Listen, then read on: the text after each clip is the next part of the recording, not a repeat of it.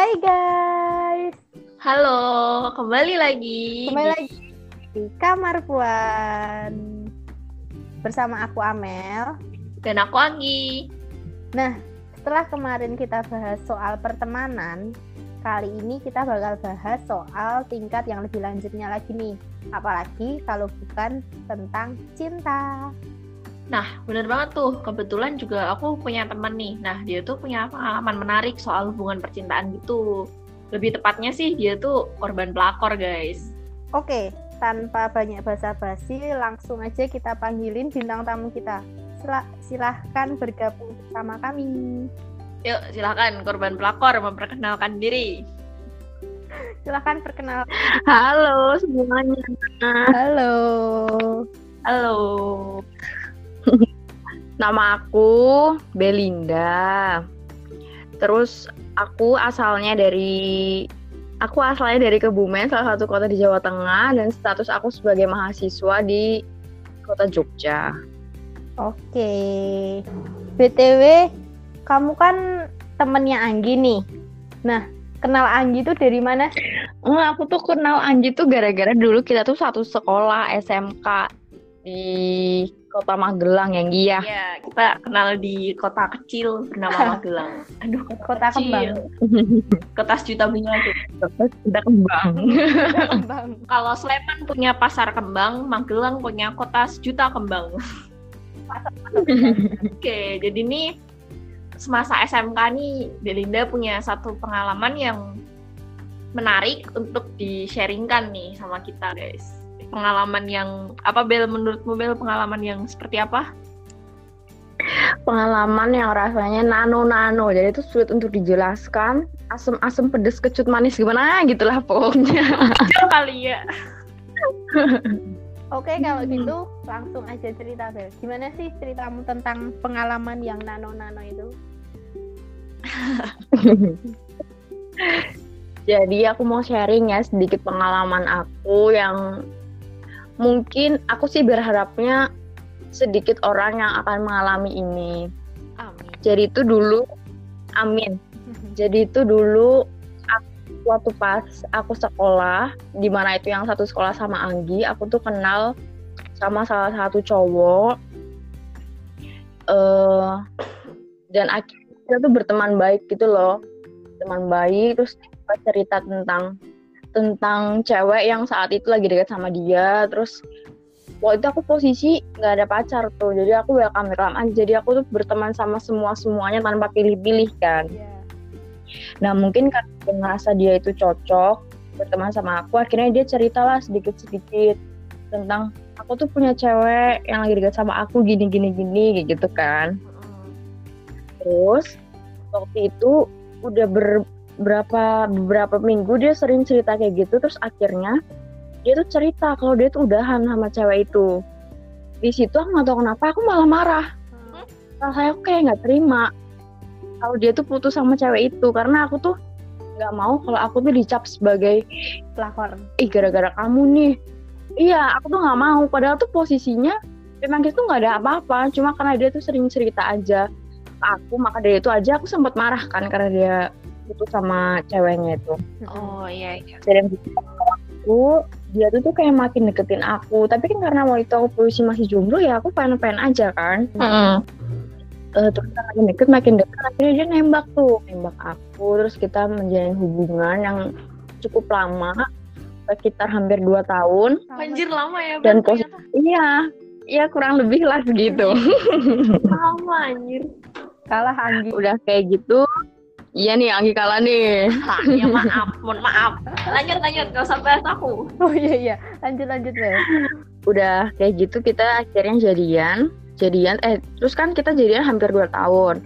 Nah kita tuh hubungan tuh baik-baik aja tuh. Kayak dia memperlakukan aku- menurut aku ya dia tuh memperlakukan aku dengan baik. Se segimananya cowok memperlakukan cewek lah. Cuma memang buruk eh, setiap orang kan punya pasti punya sisi baik punya sisi buruk. Nah buruknya dia itu dia itu tuh agak overprotective di mana kayak semisal aku berteman nih sama A B C D E terus tiba-tiba dia kayak ngatur ngatur siklus pertemanan aku semisal main ya sama dia itu nggak baik mau buat kamu gini gini gini gini kayak gitu Temanan Heeh. terus misal sama dia gitu ya. Iya, terus semisal aku dia tahu nih, aku habis jalan nih sama orang yang dia maksud yang dia nggak suka, tiba-tiba marah ke aku kayak kamu ngapain sih main eh, keluar sama ini kan aku udah bilang jangan keluar sama ini gini gini gini kayak gitu. Terus sampai mm, aku nggak ngerti ya maksud dia itu baik apa gimana. Cuma menurut aku waktu itu saat itu aku mikirnya dia tuh karena dia tuh peduli sama aku. Jadi dia tuh kayak jangan pakai baju kayak gini, jangan pakai ini ini, ini, ini," kayak gitu-gitu loh. Mungkin Oh, jadi masalah gitu baju. ya. Masalah buat melindungi gitu ya. Iya, waktu saat itu aku mikirnya kayak gitu. Hmm. Tapi setelah ke sini, setelah aku udah lama putus segala macam, terus kan kita tahu nih ada istilah toxic relationship. Iya betul. Iya benar. Ya, Baru akhir-akhir ini juga sih dia istilah itu. Nah, iya. Nah, aku baru tahu baru tahu sekarang dan aku mikir apa jangan-jangan yang hubungannya aku jalanin waktu itu tuh termasuk dalam kategori ini. Tapi gara-gara dulu aku nggak tahu istilah itu, jadi aku kayak ya udah aku enjoy enjoy aja gitu loh. Dan kadang juga kita ngerasa seneng kalau dikekang wah dia ngekang aku nih karena dia sayang. Iya nggak sih? Ada pemikiran Iya, goblok kayak gitu gitu. Iya benar. Karena kita juga mikir itu Iku mungkin dia buat peduli. kebaikan kita sendiri juga kan. Iya. Iya bener. Nah abis itu udahlah aku terima-terima aja kan di kayak gitu. Karena kan ya itu ya kayak kalian bilang kita tuh kayak ngerasa kayak dia tuh peduli loh sama aku makanya dia sampai segitunya gitu kan.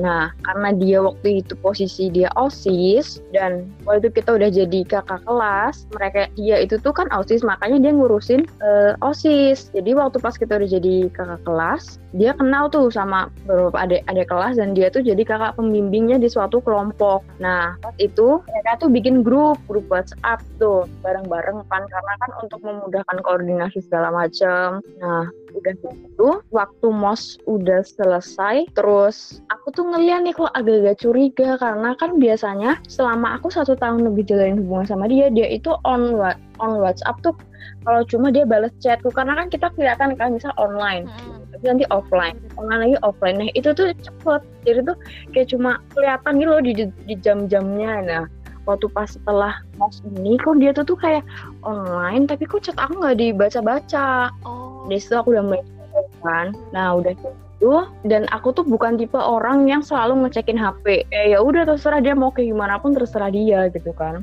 Tapi gara-gara situasi kayak gitu aku jadi rada-rada curiga nih. Nah, waktu pas aku keluar sama dia terus eh, dia lagi nggak pegang HP-nya dia nih. Tapi aku tiba-tiba aku diem aku buka karena kan aku tahu passwordnya dia kan. Hmm. muncul ya. aku buka iya. Kan begitu ya kalau cewek ya. Terus habis itu aku nemu tuh chat terus aku scrollan aku scroll ternyata dia tuh ada settingan banyak ada beberapa lah terus habis itu Beberapa. yang aku ingat Mm. jadi tuh sampai bisa di scroll gitu loh berarti kan dia rada sering gimana gitu loh Iya, betul. Nah, terus habis itu aku lupa isinya apa yang yang aku inget itu cuma di si cowok aku tuh ngajakin jogging, jogging pagi bareng. Oh, yang ngajak yang Nah, cowok. karena iya yang ngajak yang cowok. Si yang ceweknya tuh kayak masih malu-malu gitu loh. Eh, aku mikir apa dia ngajakin jogging karena dia tahu karena aku nggak bisa keluar pagi karena iya anak asrama yang dia jadi tuh jam keluar tuh pasti terbatas kan. Iya. Dan nggak mungkin pagi Iya udah keluar cuma buat ngawasin. Iya betul. Untungnya aku baca tuh, padahal tuh eh, rencananya itu tuh kayak keesokannya atau dua harinya gitu mereka bakal jogging. Tapi sebelum itu aku tuh udah lihat dulu tuh, Heeh. udah kayak gitu. Aku akhirnya tanyakan ini siapa gitu. Akhirnya kita ada sedikit perdebatan yang mana tiba-tiba dia tuh kayak banting HP-nya dia. Habis itu dia minta maaf tapi sambil nangis-nangis. Nah namanya perempuan iya awalnya aku nggak ngerti nih kalau begitu namanya juga perempuan kan terus kayak karena dulu tuh aku tuh terlalu orang yang terlalu kemakan quotes kata-kata gitu loh semisal kayak gini cowok yang udah meneteskan air mata bla bla bla bla itu artinya dia sayang banget sama kamu tahu gak sih yang kata-kata kayak Iya, gitu iya. Padahal bisa aja itu air mata buaya nggak sih? Dan terus bisa aja iya gitu Nah. pasti kayak kita yang ngerasa anjir apa aku salah omong pasti kayak gitu kan kayak kita yang jadi ngerasa bersalah iya bener Iya. Iya justru kita jadi merasa bersalah. Terus udah nangis-nangis itu ya udahlah aku maafin kan karena kan memang gimana masa cowok aku mikirnya gila cowok sampai nangis segini kan berarti dia Sayang. eh, perasaannya eh, eh, perasaannya nggak main-main. Aku mikirnya kayak gitu saat itu. saat itu Udah gitu akhirnya saat itu Habis itu kita setelah udah reda, habis itu kita ngobrol, akhirnya kita bikin kesepakatan intinya dia itu ngeblok nomor si cewek ini. Akhirnya udah sedikit tenang tuh aku hari-hari udah tenang segala macem. Terus ada tuh suatu momen di mana aku ketemu lagi nih sama dia untuk makan. Heeh. Terus tiba-tiba ada chat yang masuk, tapi nomor baru. Tapi lagi nanyanya kalau nggak salah lagi di mana, kayak gitu. Nah, itu posisi aku tahu itu karena posisi aku lagi pegang HP-nya dia terus ada ada notifikasi masuk. Terus aku kasih lah HP-nya ke dia kan. Aku kasih HP-nya ke dia, ini ada chat masuk. Aku bilang kayak gitu. Terus udah biarin aja. Jadi tuh nggak langsung direspon posisi itu. Hmm. Tapi kamu nanya nggak Bel itu dari siapa? Enggak, aku nggak tanya. Berarti kamu cuma Karena nomor baru kan. ada chat masuk, terus cowok itu bilang suruh biarin gitu ya? Iya, udah kayak gitu. Udahlah, aku tuh nggak ada rasa curiga segala macem kan sama sekali sama dia. Terus beberapa hari kemudian aku ketemu lagi tuh sama dia. Terus aku lagi cek HP-nya dia lagi kan. Karena setelah jujur setelah kejadian itu yang tadinya aku nggak suka ngecekin HP, aku jadi was-was. Jadi kayak nggak bisa Jadi- percaya 100% gitu nggak sih? Iya bener. Nah habis itu aku cek lagi yang nomor itu, yang nomor baru itu tuh masih ada tuh di story chatnya. Jadi belum dihapus tuh sama dia. Aku buka, ternyata dia bales waktu dia udah nyampe kos. Kalau nggak salah nih kurang lebih kata-katanya kayak gini. "Eh, tadi aku lagi sama Belinda, tadi harusnya kamu jangan ngechat dulu kayak gitu kalau nggak salah. Anjir. Pokoknya intinya intinya itu dia bilang ceweknya ini kalau kemarin itu Belinda lagi sama aku kayak gitu. Makanya dia nggak bisa langsung intinya aku lihat itu kan aku rasanya langsung kayak lost kayak hilang kepercayaan lagi padahal kan karena aku taunya dia udah ngeblok Hmm. Nggak taunya dibuka lagi dong ya kan? Iya dan dan dia nggak namain. Berarti kan seolah-olah ya menyembunyikan gitu nggak sih? iya heeh, betul. Dari situ akhirnya kita rada-rada apa renggang. Karena aku tahu kan dia itu lagi. Ah, deket lagi aku rada-rada renggang. Jadi tuh hubungannya tuh kayak nggak jelas gitu loh. Dibilang udahan tapi posisi waktu itu belum udahan. Tapi hubungannya kayak gitu kayak dia tetap berhubungan sama cewek ini. Jadi waktu itu aku sempat tanya lebih mau milih eh, itu mau mau kayak gimana? Lebih milih siapa? Dia aku tanya kayak gitu kan. Ah. Terus dia bilang aku nggak bisa milih siapa-siapa karena dia nganggep cewek itu adiknya Adik, tapi, adik tapi kenapa kayak chatnya tuh intens banget gitu loh? nah itu dia aku nggak ngerti adik tapi aku tahu adik macam apa yang disembunyiin dari pacar iya nggak sih? Iya, harusnya maksudnya iya itu dia nggak terbuka aja gitu loh. Kalau misalnya eh, ini tuh kayak ya udah aku anggap kayak adik aku.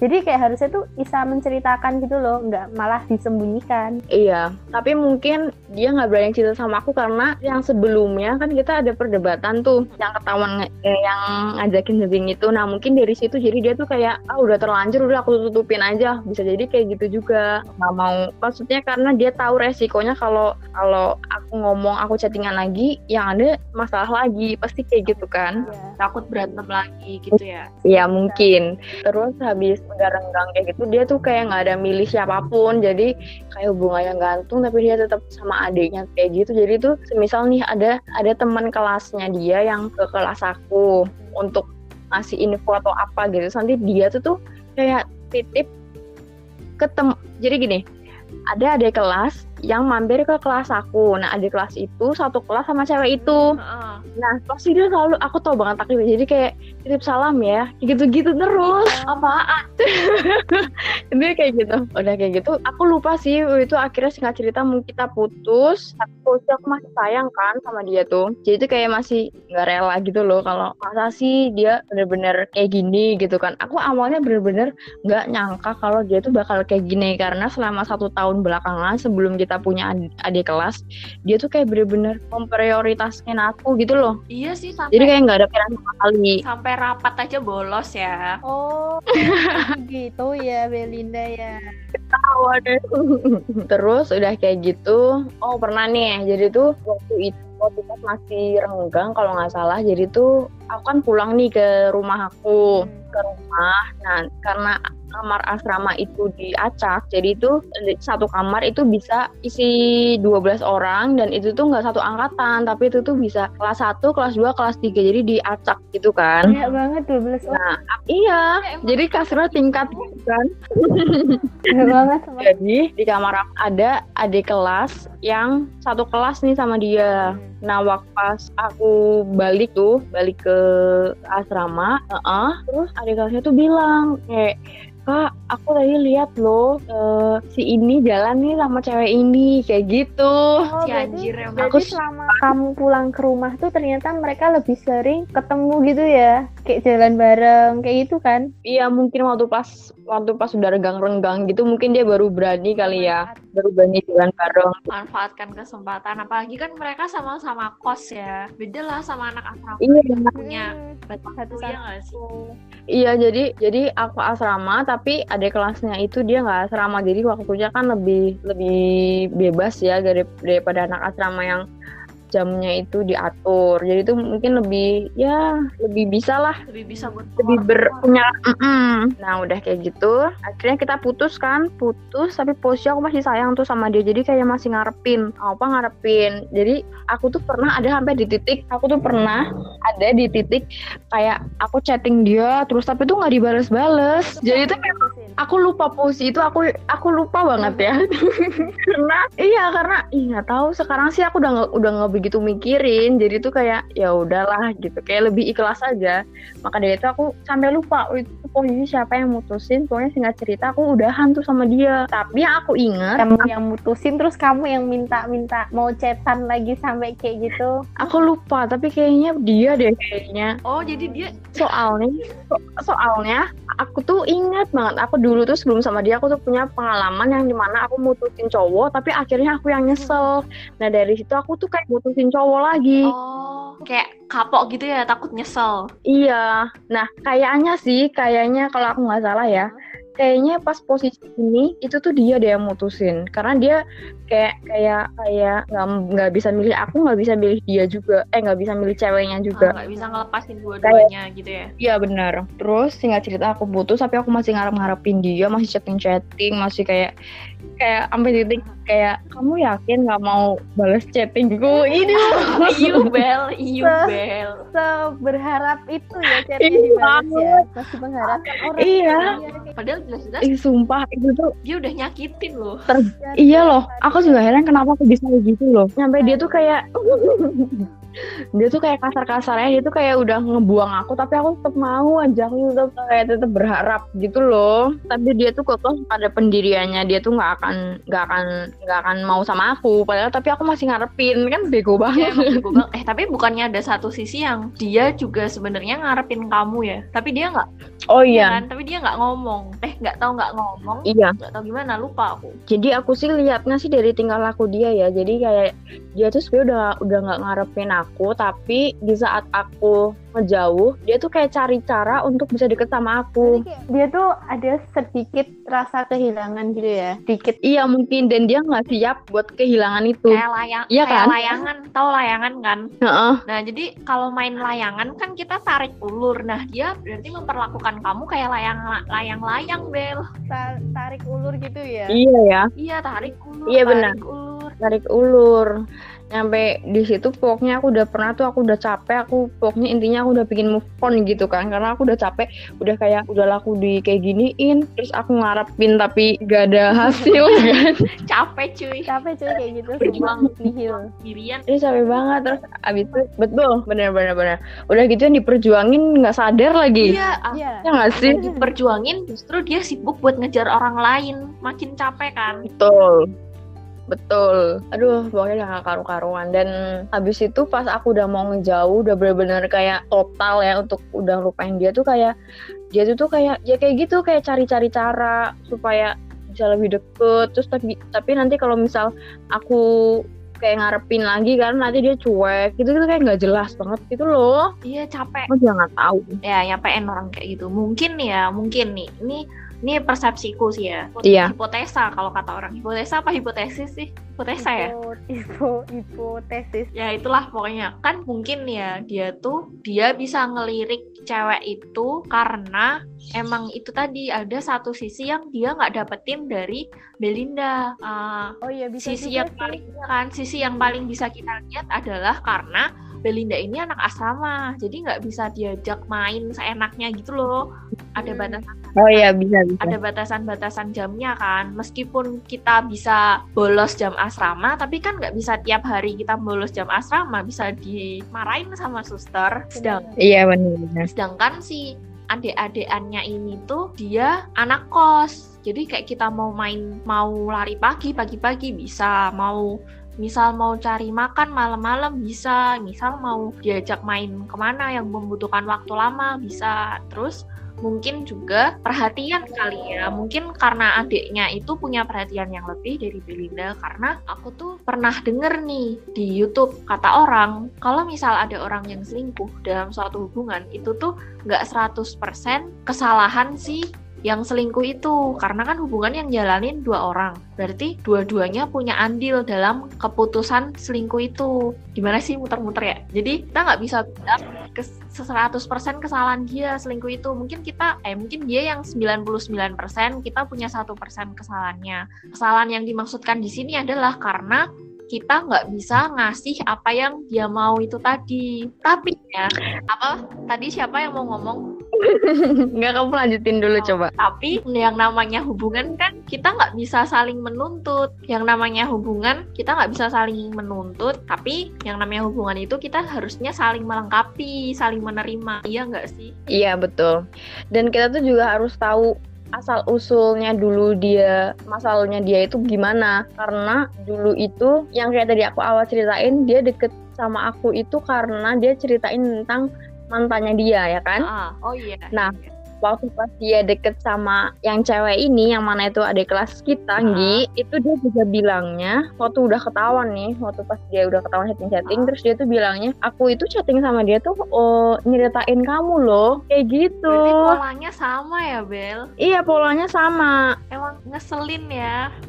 Jadi dia selalu menjadi soalnya oh iya cuy. Jadi Hmm, aku gimana? punya temen nih Hmm. aku punya teman Heeh. Nah, dia tuh ceritanya sama kayak kamu Bel, tapi dia di posisi yang dia dijadiin tempat curhat. Udah nggak? Jadi, oh iya nah, iya jadi temanku si A, Jadi- ini nih punya teman Heeh. B. Nah, si B ini cowok kan.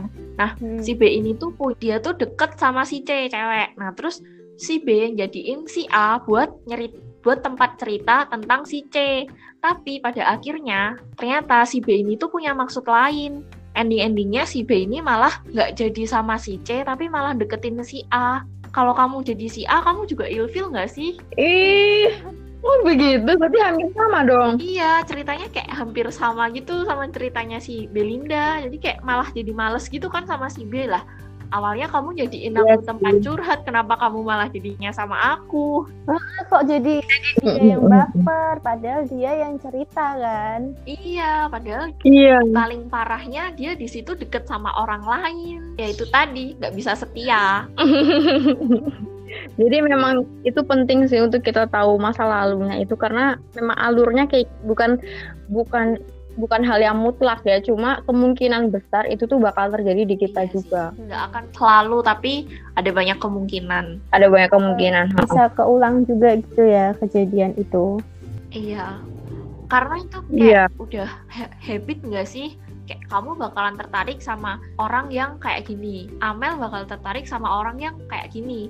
Aku bakal tertarik sama orang yang Iya, kayak gini. Kayak udah ada polanya gitu nggak sih? iya benar-benar. Dan memang itu suatu hal yang menurut aku udah udah apa ya nggak wajar lah intinya kalau kita sebenarnya kita mencari misal nih kita lagi ada masalah nih sama pasangan kita, kita kan bisa tuh cerita sama teman dekat kita yang memang sejenis, Iya, ya nggak sih? Kayak kamu cerita Yang sama harus- cewek gitu ya- kan. Iya, nggak yang harus lawan jenis karena itu benar-benar mungkin ada beberapa orang yang ngalamin hal yang sama kayak aku yang mana eh, mantannya itu ceritanya tuh sama lawan jenis dan berakhir akhirnya baper karena si cowok ini ngerasa kayak ih kok selama ini aku nggak dapet hal yang kayak gini ya sama pacar aku kayak gitu ya nggak sih. Makanya banyak orang Kayak- banyak orang bilang nggak ada Gimana? pertemanan yang murni antara cewek sama cowok, iya kan? Mm-mm, aku setuju sih tentang itu. Makanya, aduh, jangan jangan sekali-sekali coba untuk cerita masalah pasangan kita ke lawan jenis karena itu tuh bakal pasti salah satu tuh bakal ada apalagi yang lagi ada masalah itu pasti akan baper kayak ngerasa diperhatiin ngerasa ada yang care sama dia gitu-gitu Iya sih, karena kayak kamu lagi ada masalah, kamu lagi pusing, kamu butuh seseorang yang bisa nyediain bahu buat kamu. Tapi ternyata pacar kamu nih lagi marah sama kamu, nggak mungkin dia nyediain bahunya. Eh, si orang lain ini bisa. Jadi sebenarnya kamu udah buka gerbang buat orang lain masuk ke hubungan kalian, iya nggak sih? Iya, iya sih secara nggak langsung kayak gitu. Mungkin karena memang ada sesuatu di diri aku yang aku apa ya, yang sebenarnya dia harapin tapi aku nggak bisa kasih. Dari itu dia mencarinya ke orang lain yang Bisa kasih. bisa dia Iya, kasih. iya. Mm-mm. Tapi ya sebenarnya itu tetap salah sih. Harusnya kan kita bisa saling menerima. Iya betul. Dan yang pasti tuh kita bukan apa ya, harusnya kita tuh saling menjaga sih. Kalaupun misalnya kita ada masalah, saling melengkapi juga ya nggak Iya. sih? Jangan sampai membiarkan orang lain untuk masuk. Kalau kita punya masalah ya kita selesai sebisa mungkin selesain berdua, iya nggak sih? Iya, sebisa mungkin masalah eh, masalah di dalam hubungan itu ya cukup kita aja yang tahu. Iya, Kar. Karena masalah juga masalah kita yang buat. Kenapa harus orang lain tahu? Kenapa harus orang lain ikut campur ya nggak Iya, sih? kayak, kayak itu tuh justru akan memberikan peluang untuk orang mungkin dia awalnya nggak nggak mau ganggu nih tapi dia nyaman nih sama cowok kita terus akhirnya dia masuk ke hubungan eh kita dia mulai tertarik buat masuk ke hubungan kita dan kebetulan si cowoknya sendiri membuka jalan Nah iya betul. kalau kata pepatah ini Apa tuh, tresno Nggi? tuh jalan Triteng tresno jalaran soko kulino ya nggak sih Bel Iya benar. Aku setuju sih. Memang sih Jadi gimana? Mungkin si mantan kamu ini, si cowok ini tuh tadinya belum nyaman nih sama si adiknya itu. Tapi lama-kelamaan makin mereka sering ngobrol, makin mereka sering kontak-kontakan, lama-lama dia ngerasa nyaman. Nah, dari rasa nyaman itu, tresno, keinginan untuk memiliki, dan akhirnya dia Iya betul. pengen memiliki si cewek itu. Tapi dia juga nggak bisa ninggalin kamu, serakah anjir. Akhirnya tapi kita bisa benar-benar lost, benar-benar nggak berhubungan segala macam itu karena kita lulus sih. Jadi itu selama aku jadi mantannya dia pun sebenarnya hubungannya baik-baik aja karena posisi kita tuh juga bersahabat sama beberapa orang yang aku sama dia itu tuh masuk di dalam kelompok Ah. itu. Jadi itu mau mau hubungan kita ya pasti akan berlanjut terus pertemanan kita kayak gini gini gini. Jadi yang memang bener-bener nyampe nyampe kita stop, nyampe kita eh, meneruskan hidup kita masing-masing itu tuh setelah kita lulus dan meninggalkan itu, meninggalkan kota itu. meninggalkan Magelang baru kalian bisa bener-bener lost gitu ya Iya benar. Tapi bersyukur juga sih. Jadi dengan pengalaman kayak gitu tuh kita tuh jadi tahu intinya tuh jangan gampang percaya sama orang walaupun itu tuh orang terdekat kita sekalipun. iya Karena kita nggak akan tahu eh, seiring berjalannya waktu perasaan orang tuh bisa berubah ya nggak iya sih? betul banget itu betul karena Nah itu dia. karena seiring berjalannya waktu seiring rasa nyaman tuh nanti bakalan rasanya berubah dan Iya betul. Dan rasa berubah itu kita nggak bisa tahu. Bisa aja sekarang kita masih sayang banget, terus tiba-tiba besok kita udah, ih kok bosen banget ya, gitu-gitu loh. Iya. Jadi memang jangan pernah mengandalkan mengandalkan kepercayaan, karena seseorang tuh bakal bisa berubah. ya betul dan aku tadi mau ngomong apa bentar aku inget-inget aku inget mau ngomong apa Bel Apa itu Nggi? sejelek-jeleknya pengalaman kamu itu. Meskipun kamu dulu pernah jatuh sejatuh-jatuhnya dari pengalaman kamu aku juga pernah jatuh sejatuh-jatuhnya dari pengalamanku dulu. Tapi kita nggak bisa ngebuang pengalaman kita. Justru kita harus ngambil yang baik-baik dari pengalaman kita. Yang buruk-buruk dibuang aja tapi yang baik-baik nih kita ambil buat pembelajaran kita ke selanjutnya. Karena bagaimanapun pengalaman kita itu yang membentuk diri kita hingga saat ini iya nggak sih Ya betul betul setuju banget. Mungkin kalau mungkin kalau aku nggak dapet pengalaman kayak gitu, pemikiran aku tuh kayak masih bocah gitu loh, kayak masih aduh gitu-gitu loh, kayak masih kayak masih ya betul aja. Tapi semenjak dikasih pengalaman itu rasanya kayak gitu, eh, sakitnya banget, kayak sesek gitu loh rasanya setiap hari. Karena kan kita satu satu sekolah, satu kelas, jadi itu mau nggak mau lagi kita tuh ngelihat dia terus. Iya benar. Jadi aduh susah sih maka dari itu kenapa baru bisa benar-benar move on-nya itu setelah mm, setelah lulus ya itu karena setiap harinya memang kita ketemu terus kan. Jadi apalagi ruang gerak kita di sekolah juga cuma segitu nggak sih Bel? iya benar. Cuma itu-itu aja. Jadi kita mau ke mana pun ketemunya ya ini lagi ini lagi. Sama adiknya juga nggak bisa ngehindarin buat nggak ketemu kan? Iya heeh. tapi aku kaget sih pas tahu semuanya berawal dari ospek. Eh ospek apa namanya dah? Mos ya? Iya, iya aku kaget sih kalau ternyata semuanya berawal dari mos. Karena kan aku juga menjadi bagian dari panitia mos itu kan. Nah dan emang aku nggak aku tuh nggak tahu kalau ada grup-grupan apa aku yang lupa ya? Kayaknya nggak aku aku emang nggak tahu kali ya karena aku nggak kebagian tugas jadi kakak pembimbing aku kebagian tugasnya jadi oh. jadi apa ya aku lupa. Dan emang dia tuh tipe-tipe cowok yang yang gampang kenal gitu kan sama orang sama cewek apalagi ya gampang ini sih gam so, bersosial bersosialisasinya dia itu tuh gampang. Ketemu sama orang dia tuh bisa langsung deket deket deket. Ha-ha, jadi aku tuh nggak ada curi nggak nggak mencium bau-bau dia bakalan kayak gitu karena aku pikir emang dia baik ke semua cewek. Iya betul. Padahal akunya orangnya juga slow loh maksudnya dia mau deket sama siapa pun slow slow. Tapi nggak tahu kenapa ya feeling. Kayak misal misal nih ya dia tuh juga deket nih sama sahabat-sahabat aku. Misal sampai yang kayak gitu. gimana aku tuh nggak ada rasa cemburu nggak ada rasa apa. Tapi karena waktu pas sama adanya ini aku tuh kayak ada feeling aja yang beda. Jadi sudah emang feeling baru ketahuan bisa ditipu sih Bel. Betul. Makanya buat laki-laki beh Ya. kalau macem-macem pasti bakal ketahuan. Ya, kamu ada quotes nggak, Gi? ada nih ada ada. Jadi ah, apa pun alasanmu selingkuh selingkuh itu tetap salah. Dan apa pun penjelasan soal selingkuh selingkuh itu pokoknya tetap salah aja. Dan seling buat selingkuh itu gampang. Gampang banget. Buat bohong itu gampang.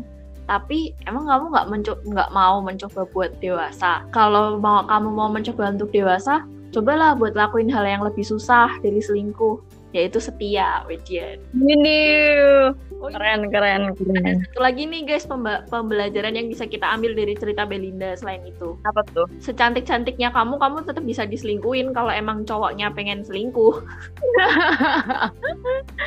Itu memang udah nggak ada obat sih kalau makanya jangan coba-coba dah. Ya karena takutnya keterusan ya kan? Ya hati-hati dalam memilih pasangan. Kenali betul-betul pasanganmu ya nggak Bel? Ya betul. Ya udah sekian dari Saya Amel. dan saya Anggi serta bintang tamu kita Belinda. Cukup sekian podcast kita kali ini. diambil yang positif-positifnya aja ya. Kalau ada yang negatif dibuang aja. Sampai bertemu di episode selanjutnya.